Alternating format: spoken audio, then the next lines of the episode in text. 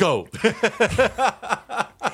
Nou, nee, wat ik even wilde delen, ik vond het wel leuk. Ik, ik geef dus uh, lezingen aan docenten en ouders over gamen, onder andere. En ik, ik, was op een gegeven moment, stond ik voor een grote zaal met docenten. En ik was aan, aan het praten over verschillende manieren waarop mensen met games bezig zijn. En, Twitch kwam naar voren toe. Dus ik, ik, had het over Twitch. En iemand zegt, wat is dat? Ik zeg, nou, dan kijken mensen online naar anderen die aan het gamen zijn. En er zat letterlijk een boomer op de eerste rij, een docent, die, die echt heel schamper deed. Zo van, ha, ze zijn nog te lui om zelf te spelen. Dan gaan ze zitten kijken hoe iemand anders dat doet. Dus ik kijk hem heel vriendelijk aan. Ik zeg, en meneer, kijkt u wel eens naar Studio Sport? En het bleef twee tellen even stil. En er viel op een gegeven moment een kwartje. Hij werd letterlijk rood. En ik heb een lach van een minuut gehad in die zaal. Ik heb dat als stand-up comedian nog nooit gehad. En ik hoefde niks te zeggen. Alleen dat. en je zag bij hem dat besef ook van, oh, kut. Ja, oh Ik vond het zo fijn. heerlijk. Ah. Ah. Ik heb ook nog een anekdote. Sorry, ik denk vuur aan dat je zei dat je een anekdote had. Ik wil je niet ja, van op. Nee, go. Maar, uh, maar, mijn oma is laatst 96 jaar geworden. Wow. En wij gingen daar naartoe. Ja, I know. Dus bijna de 100. En wij gingen daar naartoe met de hele familie. Dus mijn oudste zoon, mijn jongste zoon, uh, mijn vrouw. En mijn oudste zoontje, die is vier. Dus die stond, uiteindelijk stond hij met, uh, met zijn moeder. En mijn oma stond hij binnen, terwijl de rest buiten zat. En hij loopt naar mijn oma en zegt van... Oma, ik vind het zo jammer dat u straks doodgaat. Oeh.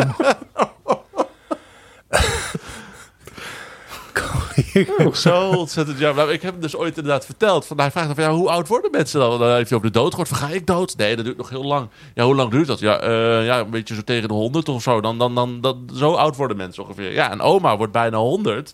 Dus hij had iets van, nou, dat duurt niet lang meer. Nog vier jaar, oma. Tik-tak, tik-tak. Oh jee, dus, dus Bas wordt helemaal groot. Iedereen een minuut lang lachen.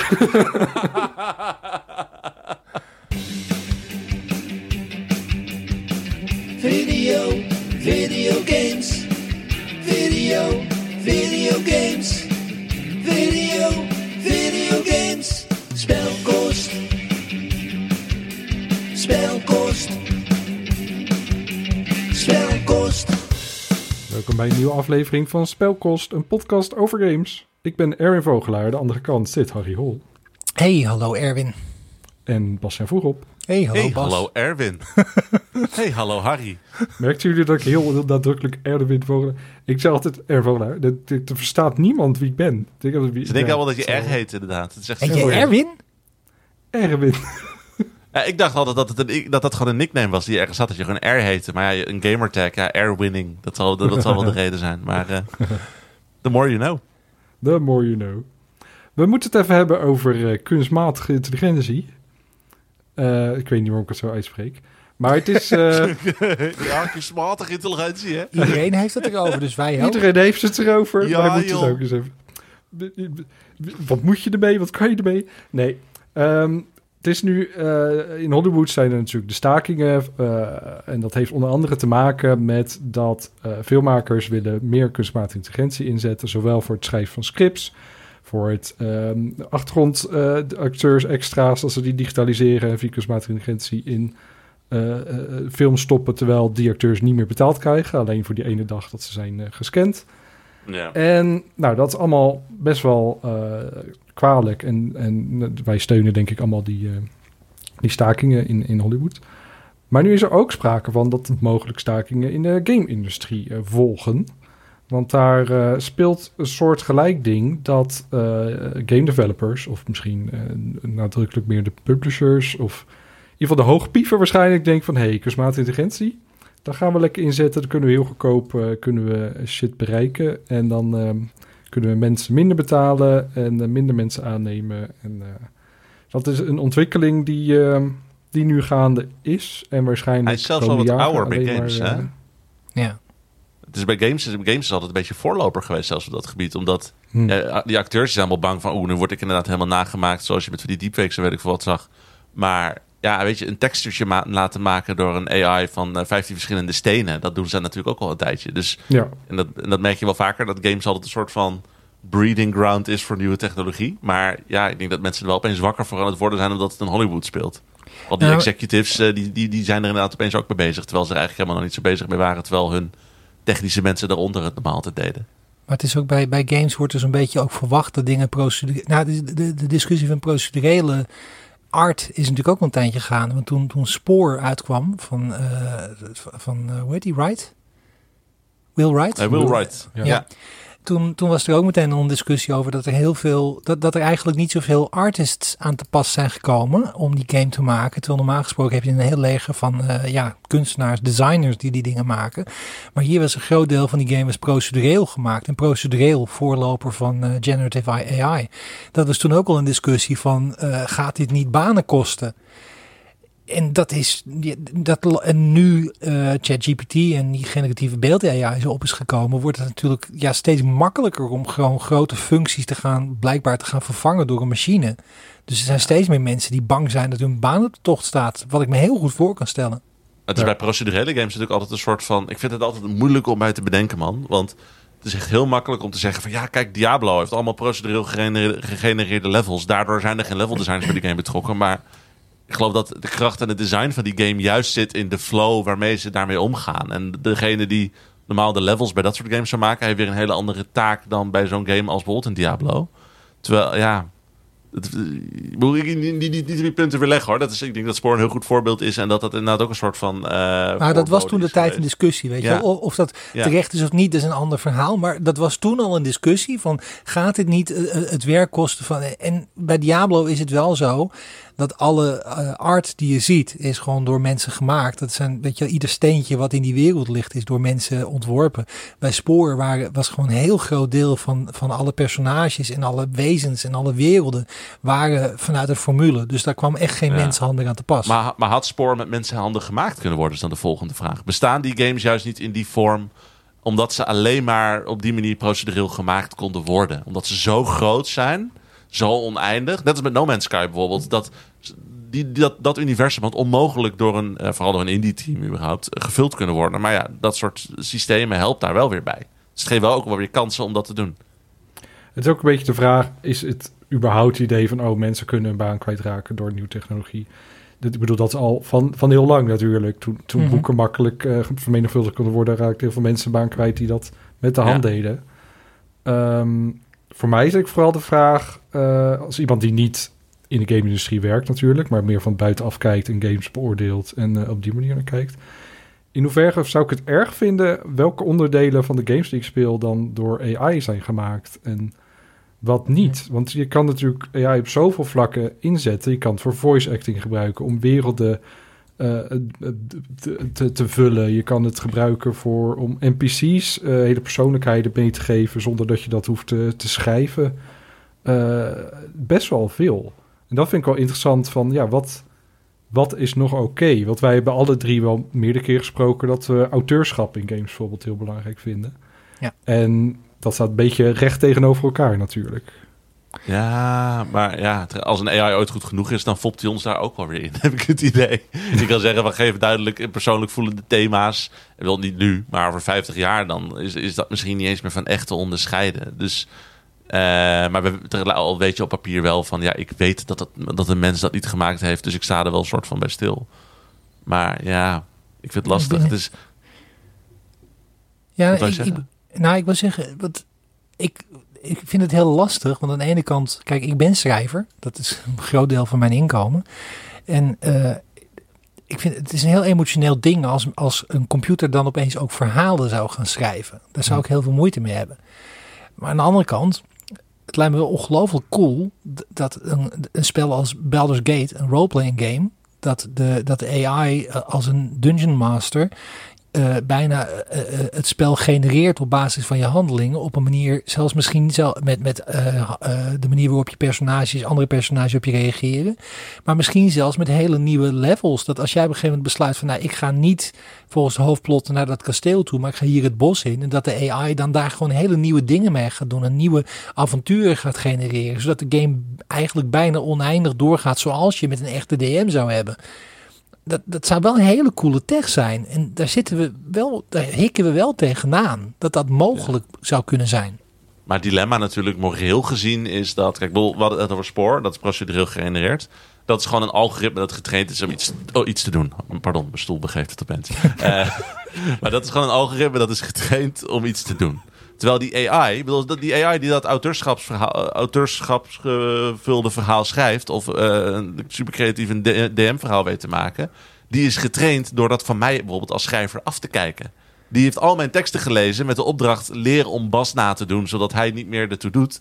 Net als met al die, dat is natuurlijk het probleem met al die illustratoren. Die zeggen ook van ja, ik zie gewoon letterlijk mijn stijl in tekenen gewoon voorbij komen, omdat zo'n AI getraind heeft om mij na te maken. Terwijl hij een oneerlijk voordeel heeft, want in, in enkele seconden kan hij al die shit gewoon eh, compleet doorgronden en er iets beters van maken.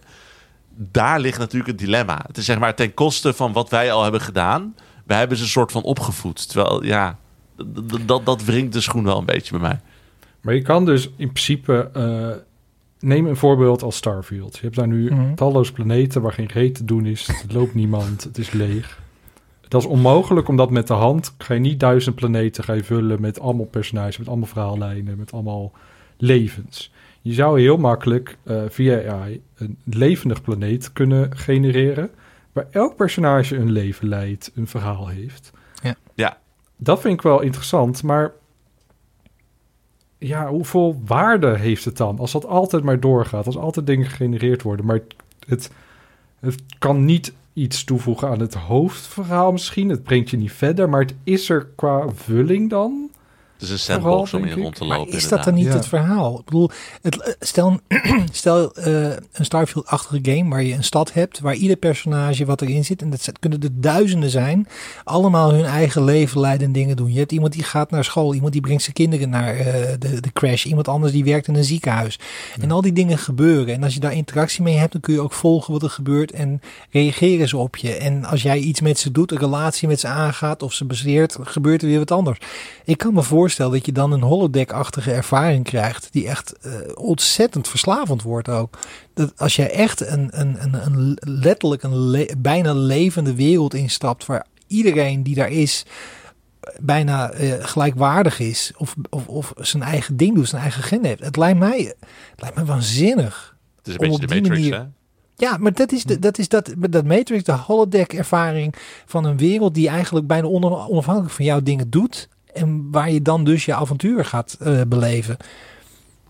Ja, maar het werkt niet voor iedere game. Dat is inderdaad, ik denk dat... Want er zijn inderdaad wel voorbeelden van wat Erwin beschrijft. Gewoon echt tech-demo's van NPC's die nu aan ChatGPT hangen... en dan live reageren op wat jij tegen ze zegt. En dan gaan ze opeens- opeens liedjes voor je zingen en weet ik veel wat. Ik weet Dus dat, dat is een mod voor Skyrim. Die zie ik op TikTok heel vaak langskomen. En dan is het gewoon personage die dan telkens met je meeloopt. Die is dan zo'n ChatGPT-bot gevoed. En die praat dus terug. En dan kun je zelf tegen praten. En dan praat hij terug. Dat is ook al cool. Dat je gewoon met je, Ja. Gewoon je party member... kun je gewoon met je stem iets zeggen. En dan praat hij terug over de situatie waar je in zit. Dat is wel... is wel Je gaat goede verhalen technologie. hebben over... Je gaat verhalen hebben over mensen die verliefd worden op de NPC's die ze in een of andere VR-MMO ontmoeten. Dat Oh, ze het ja. gevoel hebben van ja, we hebben gewoon echt een band met elkaar en ze reageert op alles wat ik zeg. En Ja. Eh, ja, dat, die kant gaat het natuurlijk ook allemaal op. Maar, Ja, maar maar, zit- dat- maar of het moreel is, is weer een tweede, toch? Ik bedoel, als al, al dat schrijfwerk gebaseerd is op gewoon het schrijfwerk van andere auteurs... eh, en gewoon geript door zo'n AI om dat gewoon ja, dat is... eh, dat is tot ja, in de oké. oneindigheid na te doen. Maar Daar zit het dilemma, denk ik.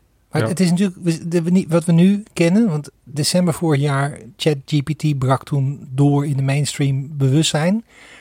Wa- Waar we nu zijn met dat soort AI, dat is eigenlijk, dat is denk ik vergelijkbaar met die allereerste telefoons die, die aan de muur hingen, waar zo'n kopje aan die je af En als je dat vergelijkt met de, de iPhone die we nu in onze eh, broekzak hebben, ik bedoel, ik denk dat je die orde van grootte verder moet denken Mhm.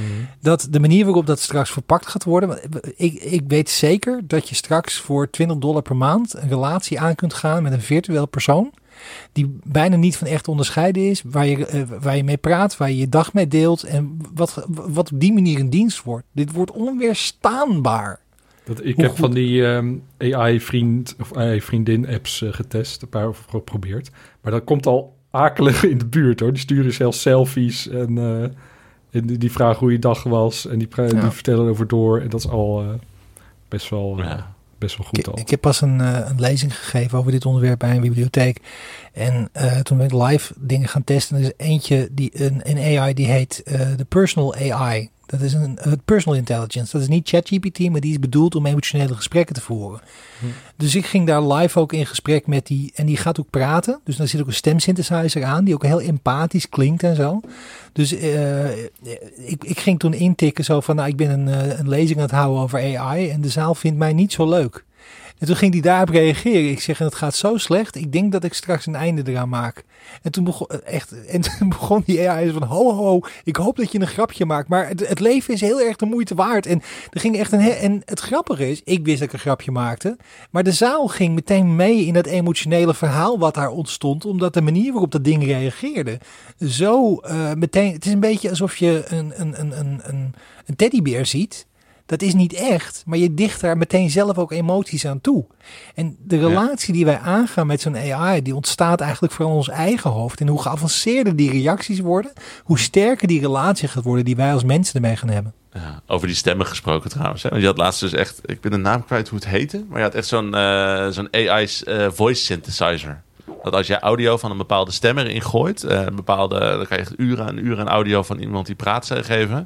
Daarna kan je er iets intikken en dan kan, die persoon, kan dat eigenlijk uitgesproken worden, worden in dezelfde stem.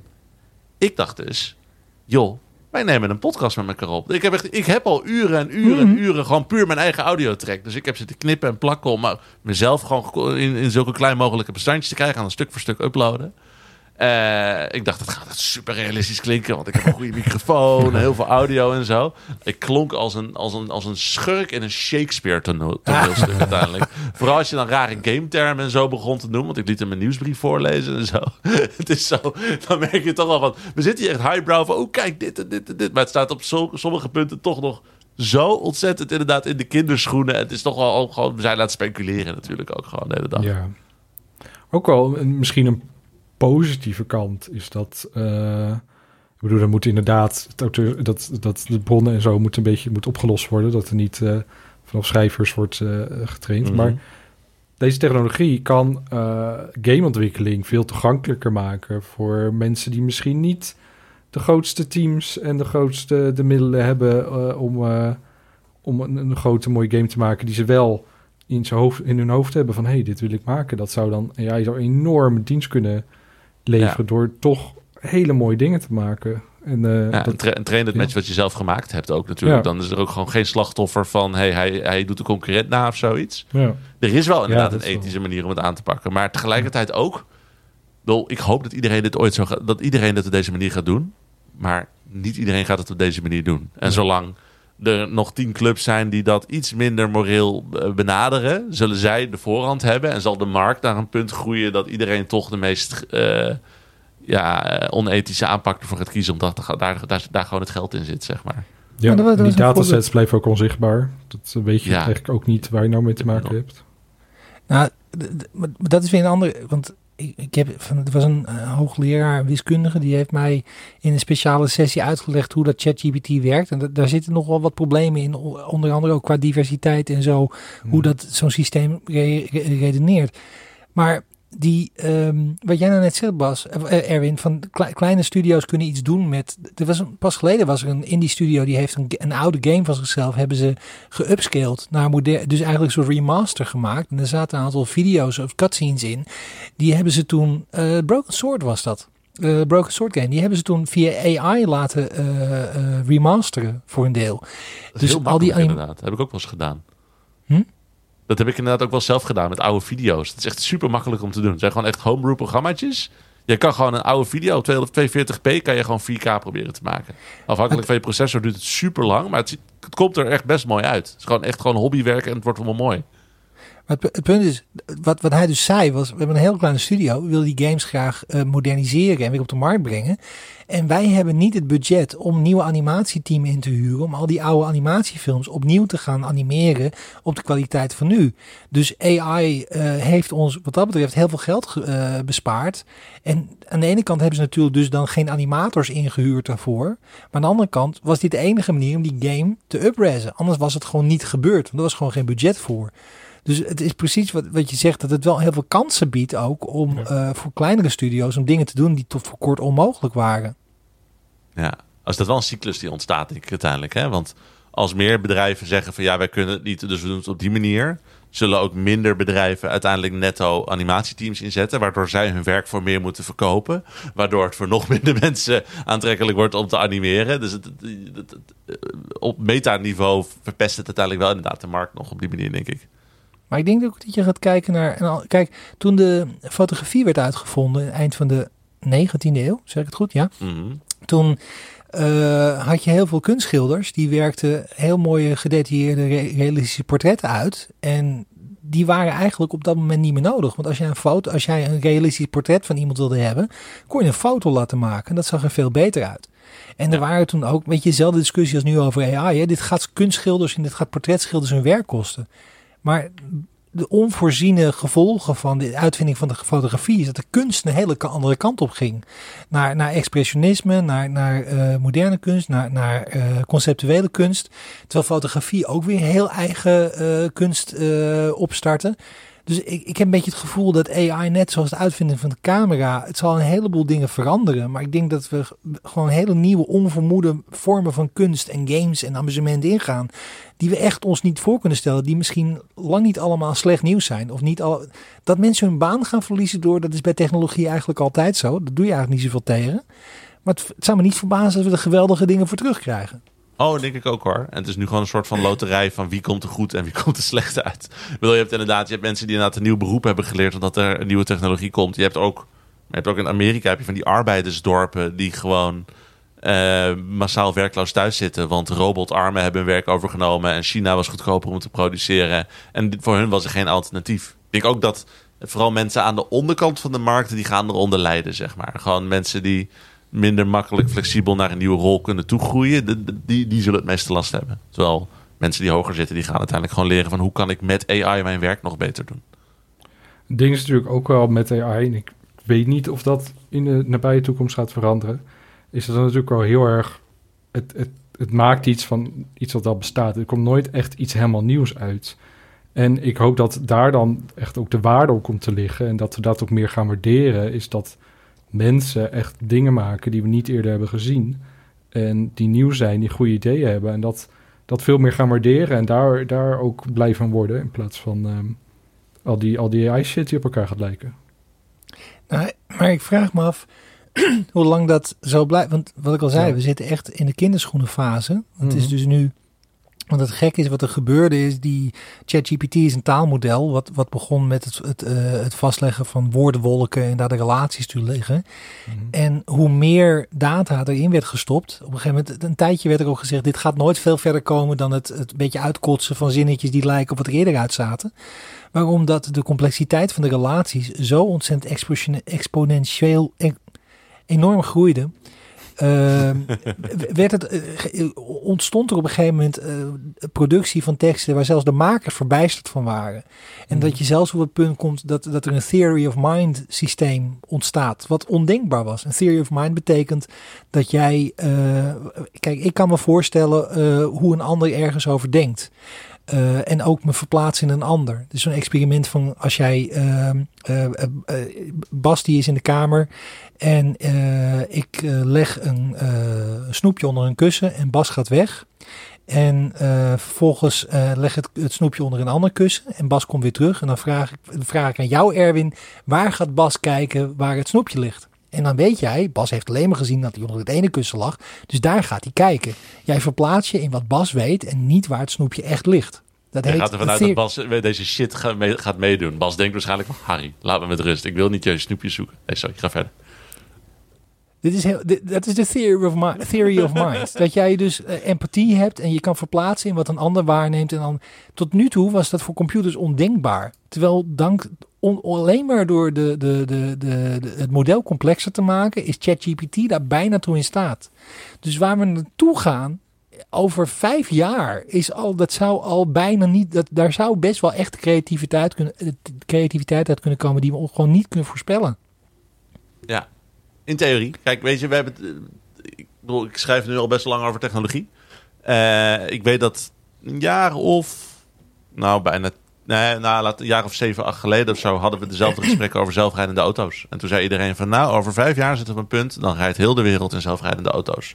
En dat is een technologie die opeens was afgevlakt. En daar zitten we nu nog steeds. En ik weet niet hoe het met jou zit, maar ik heb nog gewoon een stuur in mijn auto zitten. Ik rijd nog steeds overal naartoe. Ik kan ook geen zelfrijdende auto kopen. Eh, het zou kunnen dat we daar gewoon komen. Hè? Ik, bedoel, ik hoop het niet, want ik vind het, ik, vind- ja, ik vind het ook wel weer, ondanks alle zorgen, hele vette technologie. En ik, het is wel heel inspirerend dat we er uiteindelijk mee zouden kunnen doen. Ik blijf erbij, over vijf jaar is VR de te dominante vorm van amusement.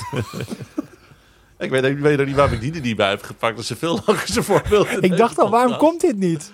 Nee, Ik zag hem bungelen zo de hele tijd. Oh. Ja. Maar het is ook, en ik denk ook dat eh, met heel veel technologie, dat die eerste paar jaar, dan, dan gaat dat gewoon het snel. Nou, inderdaad, Ja. met VR, met zelfrijdende auto's, met smartphones. Ik bedoel, smartphones zijn de afgelopen vijf jaar ook niet heel erg veranderd, bijvoorbeeld, toch? Dat is ook gewoon een beetje wat we eigenlijk al hadden. En, En ook die verhalen nu dat AI, al die teksten die worden gegenereerd, worden ook weer gevoed. En dat, dat wordt maar weer, de kwaliteit gaat echt hollend achteruit eh, op dat vlak. Ja. En het gaat nog helemaal kapot gereguleerd worden, want Europa gaat alles aan banden leggen. En ik geloof dat Steam, die verbiedt nu ook games waar AI in zit. Dus als jij gewoon allemaal AI-gegenereerde shit in je game stopt, dan mag je hem ook niet verkopen. Er mogen ook Eh, geen vijanden meer zitten die, van AI. Ik snap Alleen maar PvP op Steam. Alle personages staan zo stil zo. Nou, dan is Bethesda veilig, want daar zit geen expressie in. No intelligence die- found here. Dat Asterion één wenkbrauw optilt. Wat denk jij na? Ben jij een pers? Ben jij AI? Nee, nee, nee. Ik ben gewoon een vampier. Ik doe gewoon wat mee geprogrammeerd is. Dit is wel hoe we al die acteurs die in Hollywood staken weer aan het werk kunnen krijgen. Dat ze dan gewoon massaal gewoon NPC's in single-player narrative games gaan spelen. En dan heel snel inloggen. ieder ook. Ja, mag geen AI zijn. Dus het moet een mens zijn met wie je aan het praten bent. Oh, overigens, even, so- sorry dat ik de grap op, maar het gaat om de schrijvers, hè, die staken op dit moment. Want dat zijn, het, het, waar zij dus heel erg, ja, acteurs doen ook mee. Maar dat was, eh, dat was puur om de grap. Ik weet dat het om de schrijvers gaat. Nee, maar want het, het- de reden dat schrijvers staken, en dat snap ik wel heel erg goed. Want ik bedoel, als je kijkt hoe een filmscript in elkaar zit, dat zijn al stramine. Ik bedoel, daar Je kan begon je. met de schrijvers en nou ook de acteurs. Ja, eh, maar het, het, het, wordt gedreven door de Writers Guild of America. Dat is eigenlijk de grote eh, de reden. Want ook alle projecten waar op dit moment aan gewerkt wordt, die liggen stil omdat gewoon geen scripts gemaakt mogen worden. Alle talkshows liggen stil om, eh, de, omdat de, de grapjes niet meer geschreven mogen worden. En ik snap, ik snap dat als jij op een gegeven moment AI over 2, 3, 4, 5, misschien 20 jaar. Als je daar nu niet een paal en perk bij stelt van wat laat je de computer wel en wat laat je niet doen dan, dan, dan ben je te laat. Dus ik snap heel goed dat er op dit moment angst is bij creatieven. Zo van ja, maar het is al niet zo moeilijk om een filmscript te schrijven, eigenlijk. Ja, in Amerika ook sowieso. Want dat is een kapitalistisch land. Daar wordt het eigenlijk gedreven door bedrijven die nu wel of niet ingrijpen. Kijk, in Europa maak ik me een stuk minder zorgen. Ik denk, ik denk dat Brussel gewoon hele goede regels gaat bedenken uiteindelijk. eh als dit al tien jaar in gebruik is. Maar dat is een ander punt. Eh, die zorgen dat het wel in goede banen gaat. In Amerika is het denk ik gewoon wetteloos totdat mensen ervoor gaan liggen. Dus ja, dan moet je dit doen. Ik, ik vind het trouwens wel blij dat we in Europa wonen wat dat betreft. Want ik bedoel, je kan over de EU zeggen wat je wil, maar dit soort dingen, daar zijn ze voortvarend in. Ja. Hm? Ik vind het fantastisch eh, wat Ja, ze ook. allemaal doen qua privacy en de regels. En, eh, Ja, Ja. En, En het de- afdwingen ook. het milieubewust te maken van bedrijven. Dat ze nu dat eh, bijvoorbeeld eh, de, de, de batterijen in smartphones moeten verwisselbaar zijn. eh, de, de iPhone krijgt USB. Het is allemaal ook voor het milieu allemaal veel beter. Ik heb vandaag met USB-C opgeladen, jongens. Dat was fantastisch. Wauw. Ongelooflijk. Ja, jeetje. Dat, al die Android-mensen hadden gelijk. Dat is Kijk, echt de kan beste ik ook. manier om een telefoon te hebben. Maar het is een Fairphone. Ja. Oh, cool.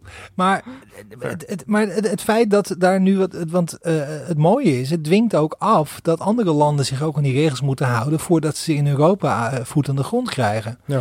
En, en dat is geweldig. Daarmee heeft Euro- Europa heeft wereldwijd invloed op het, het remmen van ongewenste uitwas op dit, eh, op dit gebied.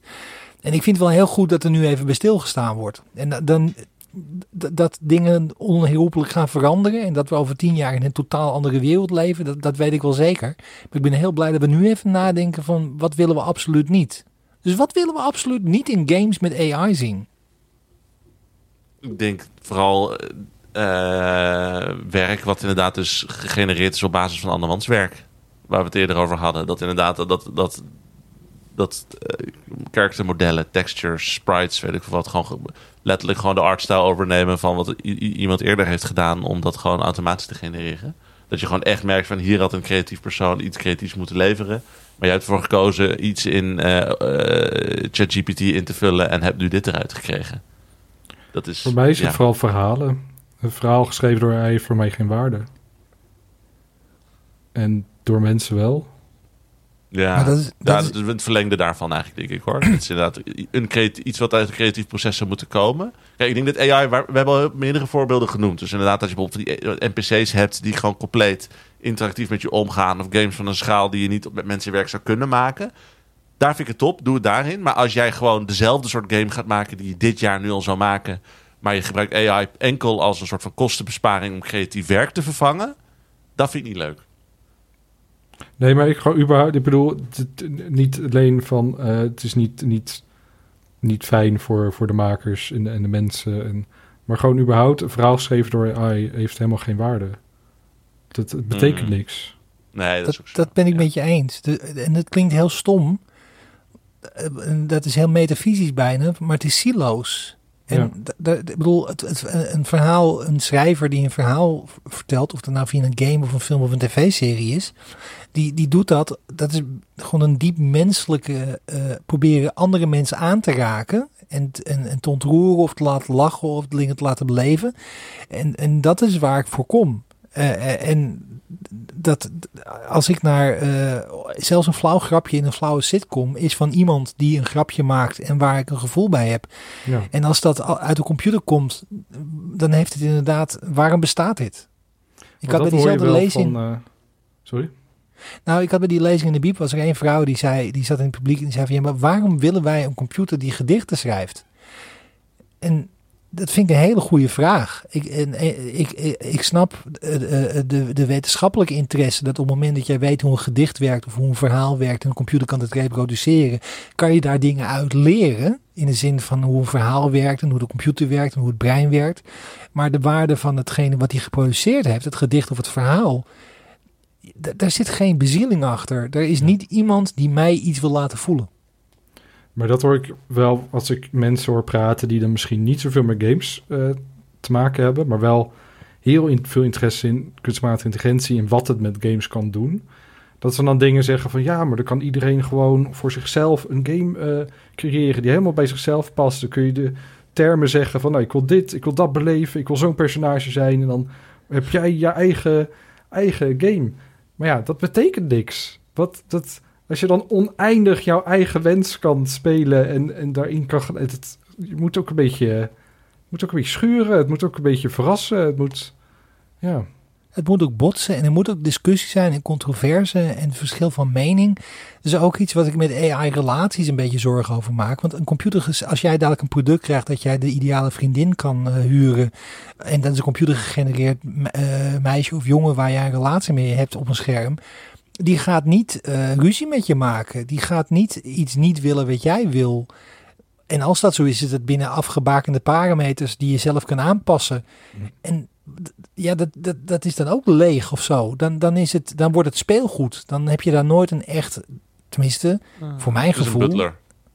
Ja, het, het, het is dan toch Alexa. Ja, nou, het is een bediende inderdaad. Het is gewoon iemand die bestaat om jou de mond toe te praten. eh, en wel met de tijd daar wijzer en verstandiger in wordt. En weet je dat ook is? We, we spreken nu ook uit het perspectief waar we nu zitten. Hm? Misschien dat we over 50 jaar wel op een punt denken. Heel hypothetisch. Ik weet echt niet of deze kant op gaat. Maar misschien denken we over 50 jaar wel van. Nou, weet je, die, die kunstmatige intelligentie. Die, die vind ik eigenlijk net zoveel waardig als gewoon een, een, een gewoon mens die hier nu iets mee gedaan heeft. En ik vind wel dat een gedicht daarvan waarde heeft. Want je merkt dat die kunstmatige intelligentie dat perspectief het leven heeft. En dit heeft meegemaakt. Weten wij veel. Die kant kan het ook nog opgaan. Ik bedoel, ik ben het ermee eens dat het er nu nog niet is hoor. Maar dat is nu. In eh, Duin van eh, Frank Herbert is een van de thema's die door het verhaal heen loopt. Is dat ooit eh, AI absoluut verboden is geworden. En dat computers niet meer intelligent mogen zijn. En dat daar mensen op een bepaalde manier getraind worden tot mentat. Om een soort menselijke supercomputer te zijn. Omdat er dat experiment was gefaald in dat universum. En het zou me ook niet verbazen als, we, als dat een voorzienend, eh, voorzienende blik is geweest hoor. Want eh, ik ben als je, als je nagaat wat, wat algoritmes al gedaan hebben om de wereld te verpesten. De- de- het feit dat Twitter-algoritmes bedoeld zijn om engagement te genereren. En het gevolg daarvan is dat het conflict genereerde. Omdat er niks meer engagement oplevert dan eh, tegenstand en polarisatie. Hmm. Dat was eigenlijk alleen maar een heel primitief algoritme die dat deed. En hoeveel schade dat heeft aangericht sinds 2016. Met de Brexit-vote en met eh, Donald Trump en met eh, alles wat er daarna kwam. Dat is allemaal gepolariseerd door die algoritmes. Eh, eh, ik weet niet of, of, of ik wil dat AI nog geavanceerder en nog. Want de ongevoorziene gevolgen daarvan. Ik ben daar wel een beetje bezorgd over. Maar bedoel, dan heb je, dan heb je bij Duin, waar ze zeg maar in hebben gegrepen en wat hebben gedaan. Ik zie onze huidige mensheid nog niet denken van... oeh, welke kant het opgaat met computers nu. Daar gaan we wat aan doen. We, we, we dom- dompelen ons er alleen maar met meer in, in om, heb ik het idee. Of in. Je hebt toch die, die, die brieven van eh, OpenAI onder andere van ja, de, de mensheid eh, is, wordt mogelijk uitgeroeid door AI. We moeten nu wat doen. Ja, maar daar luisteren we ook niet naar. Dus dat is ook gewoon van, we blijven lekker doorgaan. Ik denk dat we juist gewoon heel erg lekker gewoon eh, op dit pad doorgaan... en ons helemaal laten onderdompelen door al die technologie. ook al is het heel slecht voor ons. Nee, maar als je kijkt, ik bedoel, nu, we hebben nou net de heetste zomer ongeveer gehad sinds de mensheid zomers is gaan meten. We weten aan alle Kom, kanten. hoe ontzettend- klimaatverandering nodig even bij. Nee, maar ik bedoel, als je ziet, nee, maar als je ziet hoe, hoe vreselijk klimaatverandering op dit moment is, en daar zijn alle gegevens voor, en dat negeren we. En dit is een hypothetisch filosofisch probleem waar we het nou over hebben. Dus natuurlijk gaan we er niks mee doen. En natuurlijk worden die producten zo aantrekkelijk dat we er allemaal in meegesleept worden.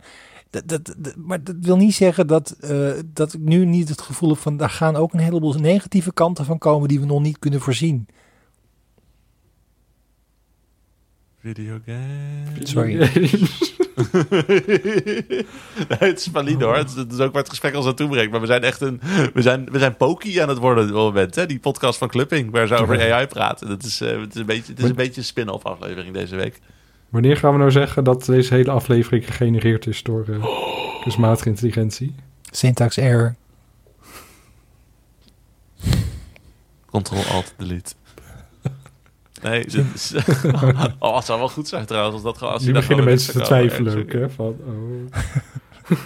We zouden eigenlijk gewoon als intro zouden we door computer gegenereerde stemmen gewoon ons moeten laten beginnen. En kijken. gewoon hier autotune doen. Weet je, dan, ik, ik schrijf wel even een scriptje over een anekdote die ik dan had. En dan kijken wat er gebeurt als we die door, door een computerstem Ah. laten uitspreken. Maar de, de YouTube-kijkers zijn verbaasd dat ik zes vingers heb op, aan, mijn- aan deze hand. Dat is ook zoiets. Hè? Dan zie je van die filmpjes die door AI gegenereerd zijn. En dan zet je het op pauze. Op een gegeven moment zag ik een video van een, eh, van een huis waar daar een camera doorheen bewoog. En die was helemaal AI gegenereerd. En dan zet je hem op pauze in de keuken. En dan zie je een messenblok. En dat zijn dan geen messen, een soort stekelvarken. Dat slaat helemaal nergens op. Als je naar de details kijkt, dan klopt het. Het is een beetje Nee. als je in een droom zit en je gaat Ja. echt kijken naar de omgeving. Dan is er alles mis mee. Het is heel bizar. Mensen zitten nu als op YouTube onze achtergronden te kijken van kloppen die boeken wel? Want AI kan heel, is heel slecht met tekst. Is, is dat leesbaar? Dat, is een, Oh. eh, dat is een truc als je wil leren om eh, lucide dromen te hebben. Dat je dan eh, regelmatig iedere dag op je horloge kijkt eh, momenten. En in dromen klopt dat nooit. Dan zijn de cijfers niet goed. En dat is dit een beetje. Ik bedoel, Eigenlijk is game, na Gamebytes was er ook maar één van de drie die wilde dat de podcast terugkwam. En die heeft gewoon de andere twee stemmen met AI gegenereerd. En dat is gewoon een, al 40 afleveringen lang zijn ze erin getrapt. Twee van ons zijn eigenlijk dood. We bestaan, we bestaan alleen als AI's. Maar wie van ons? Wie is de mol? degene met een Steam Deck is... eh, degene zonder Steam Deck. Oh. Hey, trouwens, eh, tussendoor trouwens, hoor, wat anders. Want ik heb live op een andere scherm heb ik dus onze Discord eh openstaan nu. Eh spelkost.nl, kom lekker in onze Discord, hartstikke gezellig. Er is letterlijk iemand net ge, de gejoind om te kijken of Harry wel of niet zijn Steam Deck heeft gekocht. nou, daar kun je de vorige aflevering van luisteren. Zeker, ja, maar die is er niet uit op het moment dat hij dit... Want we nemen ze twee keer tegelijkertijd op. Maar eh, die kan Ja. Harry straks even persoonlijk toespreken als we met deze aflevering klaar zijn. Wacht even, hoe, he- hoe heet deze nieuwe eh, deelnemer? Robbed. Hij zit in het Stel Jezelf voor kanaal, vertelt hij erover. Dus daar Even kun je straks kijken. nog even een eh, blik werpen. Oh, wacht even. Ik zie het, ja. Ehm Rob. En ook een oud, eh, en een ook oud, een oud Gamebytes luisteraar die vandaag er weer bij kwam, die ons nu weer had teruggevonden. Dus het is eh, hartst- hartstikke leuk. Nou, Ja. Rob, als je wil weten of ik een Steam Deck heb ge- eh, gekocht, dan, dan moet je naar de vorige aflevering luisteren hiervoor, die je waarschijnlijk al geluisterd hebt. Dus het antwoord heb je al. Wij komen uit de toekomst of komen uit het verleden. Waar zijn we? Wat doet Wij zitten in hij? het verleden. Wat gebeurt er? Uit een andere dimensie. Sorry, mijn ChatGPT snapt niet wat je bedoelt. Kun je dit alsjeblieft herhalen? Video, video games. Maar wat AI nog niet eh, voor ons invult, is de tips. Al bij mij wel hoor. wat is je tip? Nou, ik zal het even aan ChatGPT vragen. Nee, maar mijn tip, ik bedoel, ik wijk eventjes één keertje af van mijn, eh, want ik wil, eigenlijk lekker doorgaan met boeken. Ik vond het trouwens erg leuk dat iemand in de Discord zei dat hij voor het eerst in 20 jaar weer was gaan lezen, omdat ik science fiction boekentips had gegeven. Dat, ik moet eerlijk zeggen dat ik, oh wauw, wat- gaaf dat iemand dat, dat het daarmee doet. Dus dat vind ik leuk. Het is ook passie, lezen is een passie. Maar goed, ehm, de, de tip die ik heb is eventjes geen boek. Dat is een serie die- waarvan ik zeker weet dat onze eh, eh, alle drie de hosts eh, deze gaan onderschrijven als een goede tip. Dat is namelijk eh, eh, de serie Pokerface. Met, Pokerface. Pokerface. ja, daar zit ik ook iedere keer mee als ik Ja, de titel zie. Wisten jullie dat... Kennen jullie de lyrics van dat nummer? Zij zingt eigenlijk pokerface, fa fa fuck her face. Really? Dat zijn de lyrics. Maar dat hoor je op over alle radio's. Niemand weet dat. Maar zoek de lyrics op. Ze zegt pa- pa- pa- pokerface, fa fa fuck her face. Goed, dat moet ik Maar ze zingt het ook met een ik pokerface, dus dan trap je erin. Dat is, dat is gewoon heel Ik- metacontextueel eh, bedacht. Ik ben, ik ben zo, nu ben ik dubbel zo dol op Lady Gaga. Dit vind ik wel geweldig eigenlijk. Wauw. Echt heel goed. Maar Sorry voor deze... Geeft niks. Pokerface is een serie eh, die ik wil tippen. Die eh, recentelijk is verschenen op eh, Sky Showtime. Een streamingsdienst die ook bestaat. En waarvan nu een goede reden is om daar eens gebruik van te maken. Want Pokerface is eigenlijk een soort moderne reimagining van een klassieker. Waar ik zelf al heel dol van was. Namelijk Columbo. En dat is een speciaal genre van, het, van mystery verhalen. Waarbij je aan het begin van de aflevering ziet wie de moord pleegt. En, en dat de rest van het verhaal eigenlijk gaat over een hoofdpersoon. eh, in dit geval Natasha Leone. Die eh, gaat uitzoeken eh, wat is er gebeurd. Dus jij weet als kijker wie de dader is. En je gaat mee op reis van hoe die dader wordt ontmaskerd. En, in, in, eh, en Columbo is daar het, traditionele gouden voorbeeld van. En Pokerface draait om eh personage wat eh, eigenlijk één speciale gave heeft. Ze kan altijd zien of iemand liegt of niet. En daarmee gaat zij dan op onderzoek als er dingen gebeuren in. En er is een heel verhaal omheen wat ik niet wil spoilen. Maar het concept is dat. En wat het toffe is, het is heel erg fris en uniek in de zin van het is geen politieserie. Er zit heel veel poëtische gerechtigheid in. Het is lang niet altijd zo dat er aan het eind van de aflevering iemand in handboeien wordt afgevoerd of wat dan ook. Maar er is altijd een twist in hoe het eindigt. En het is een geweldige serie. Vooral omdat Natasha Leone gewoon zo'n ontzettend charismatische, fantastische actrice is. Echt hoor. Ja. Zo goed. En als er iemand. En eh, Columbo was zo goed omdat Peter Falk een bepaalde eigenheid had in hoe die speelde. En zij heeft dat op haar hele eigen manier ook. Het is echt een soort. eh, ja, het, het is Columbo, maar dan volledig modern en met een hele nieuwe twist. En ik kan het niet genoeg aanraden. En ik meen, ik hoorde jullie net zeggen dat er nou twee of drie afleveringen online staan. Iedere week komt er een nieuwe bij. En, ja, heel eh, stom, nou, want die serie is al bijna jaar oud en dan komen ze hier nog één keer per week. Maar ja, goed. nou ja, goed, dat, dat, dat- daar hebben wij helaas geen gezag over. Ehm, maar iedere aflevering is ongeveer de lengte ook van een korte speelfilm. En het is zo goed. Je gaat lekker, je, je dompelt je onder, onder in een bepaalde traagheid ook. En er is geen minuut saai. Het is zo goed. Pokerface. Omdat eh, Harry geen eh, boek heeft, heb ik maar een boek. Een boektip. Yay. Het boek eh, The Secret Life of Albert Entwistle van Matt Kane gaat over een, ehm, een, een oude man die eh, woont in een rustig dorpje samen met zijn kat. En hij is postbode. Eh, maar op een gegeven moment krijgt hij een brief van, eh, ja, het is tijd voor je pensioen. En dan denkt hij van, ja, kut, ik ben heel graag postbode en voor de rest heb ik eigenlijk niks in mijn leven. Wat nu? Ehm, en dan krijg je langzaam wat mee van zijn jeugd. Dat, vroeger had hij een vriendje.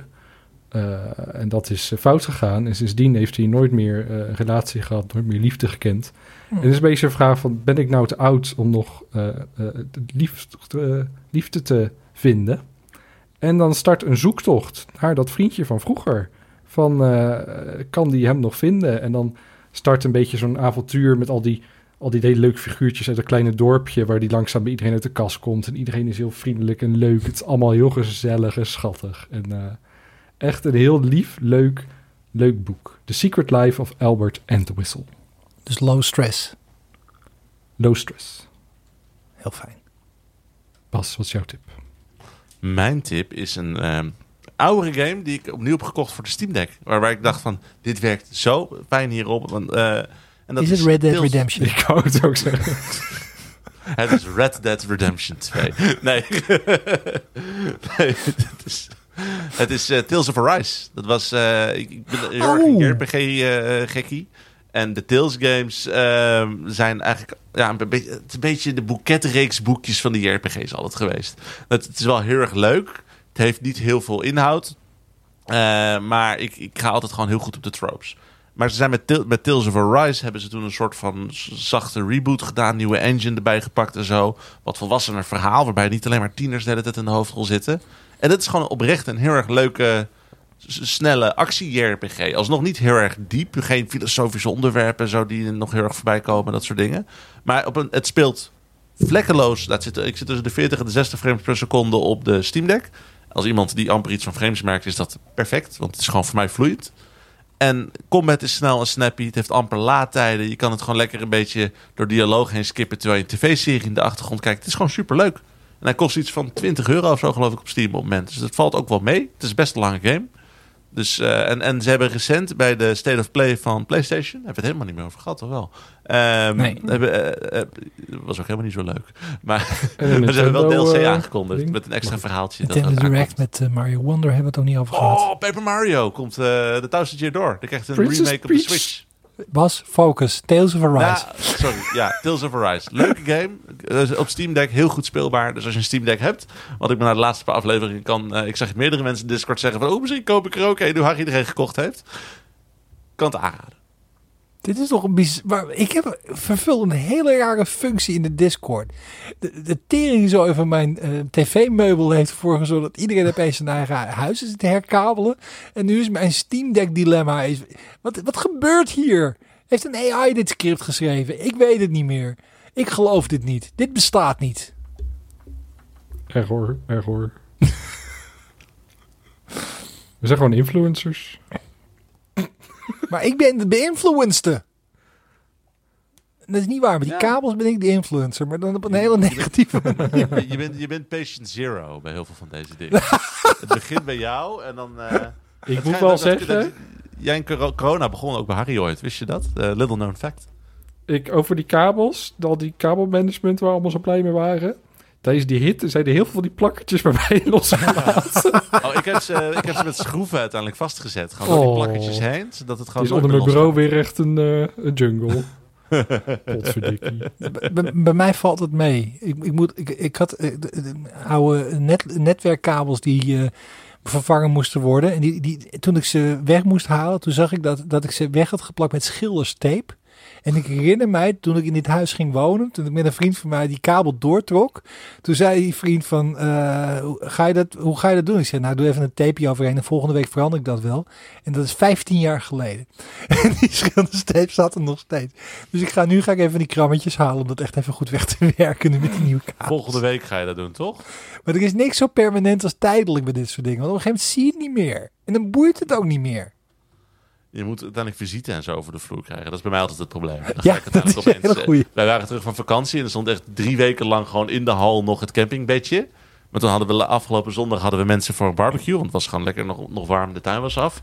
Meteen de hele hal leeg. Gewoon, dan is het klaar. Dan is het, dan is het opgeruimd. Maar Ja. zolang je gewoon geen mensen de hele tijd over de vloer hebt, dan blijven dat Hoef je het niet te zien. Ja, er is geen hangen. Nee, en bij zo'n- bij zo'n confrontatie. kantoor is het gevaarlijk. Want wie komt er nou in je kantoor? Dan zit je gewoon zelf.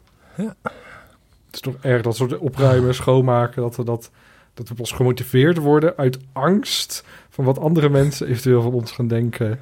Van dat ze misschien iets zien wat vies is of niet opgeruimd. Ter- terwijl je weet hoe goed het voelt als je het voor elkaar hebt. Want toen mijn nieuwe tv-hoek klaar was in mijn werkkamer. Oh, wat heerlijk. Nog steeds. Iedereen die bij jou op bezoek komt, die leidt je naar de tv-kamer. Kijk, Ik doe wel oogkleppen op. De rest mogen ze niet zien.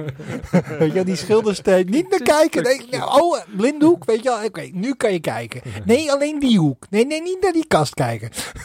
Weet je wat je wel moet bekijken? Onze website, dat is spelkost.nl. Daar is er helemaal niks mis mee, alles opgeruimd. Eh, daar vind je onder andere een linkje naar onze Discord, eh, waar we het hebben over kabels en Steam Decks en, eh, en Xboxjes. En, En, een link naar eh, Games. Ook wel eens games, zo nu dan. En, eh, Heel af en toe. en, eh, en dan vind je ook op spelkost.nl een link in onze Discord voor... Nee, dat is een Patreon.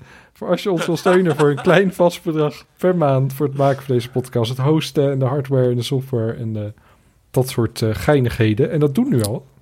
Uiteindelijk wordt het spel ook een beetje om Erwin zijn eindspeech een beetje te ontmantelen. hè. Je merkt dat hij helemaal van zijn stuk is. Maar dat zijn eh, Stefano, Rob, Samuel, Chris, Dennis, Erik, Roland, Mark, Gerard, Wietse, Niels en Kevin. Kunnen we dit de volgende keer timen? Kijken hoe snel ik het eruit krijg. Wordt wel lastiger omdat we steeds meer patrons erbij krijgen. Dus dat wordt wel... eh, Ja, misschien kunnen we er een paar opzeggen dan. Nee, nee, nee, nee. Nee! Dat is de verkeerde boodschap. Dit knippen we eruit. Harry, wat doe je nu? Dan was dit eh, deze aflevering. Namens Bas uh, vroeger op Hagio. Ik ben Erwin Vogelaar. Heel erg bedankt voor het luisteren. En tot de volgende keer. Video, video games. Video, video games. Video, video games. Spelkost. Spelkost. Spelkost.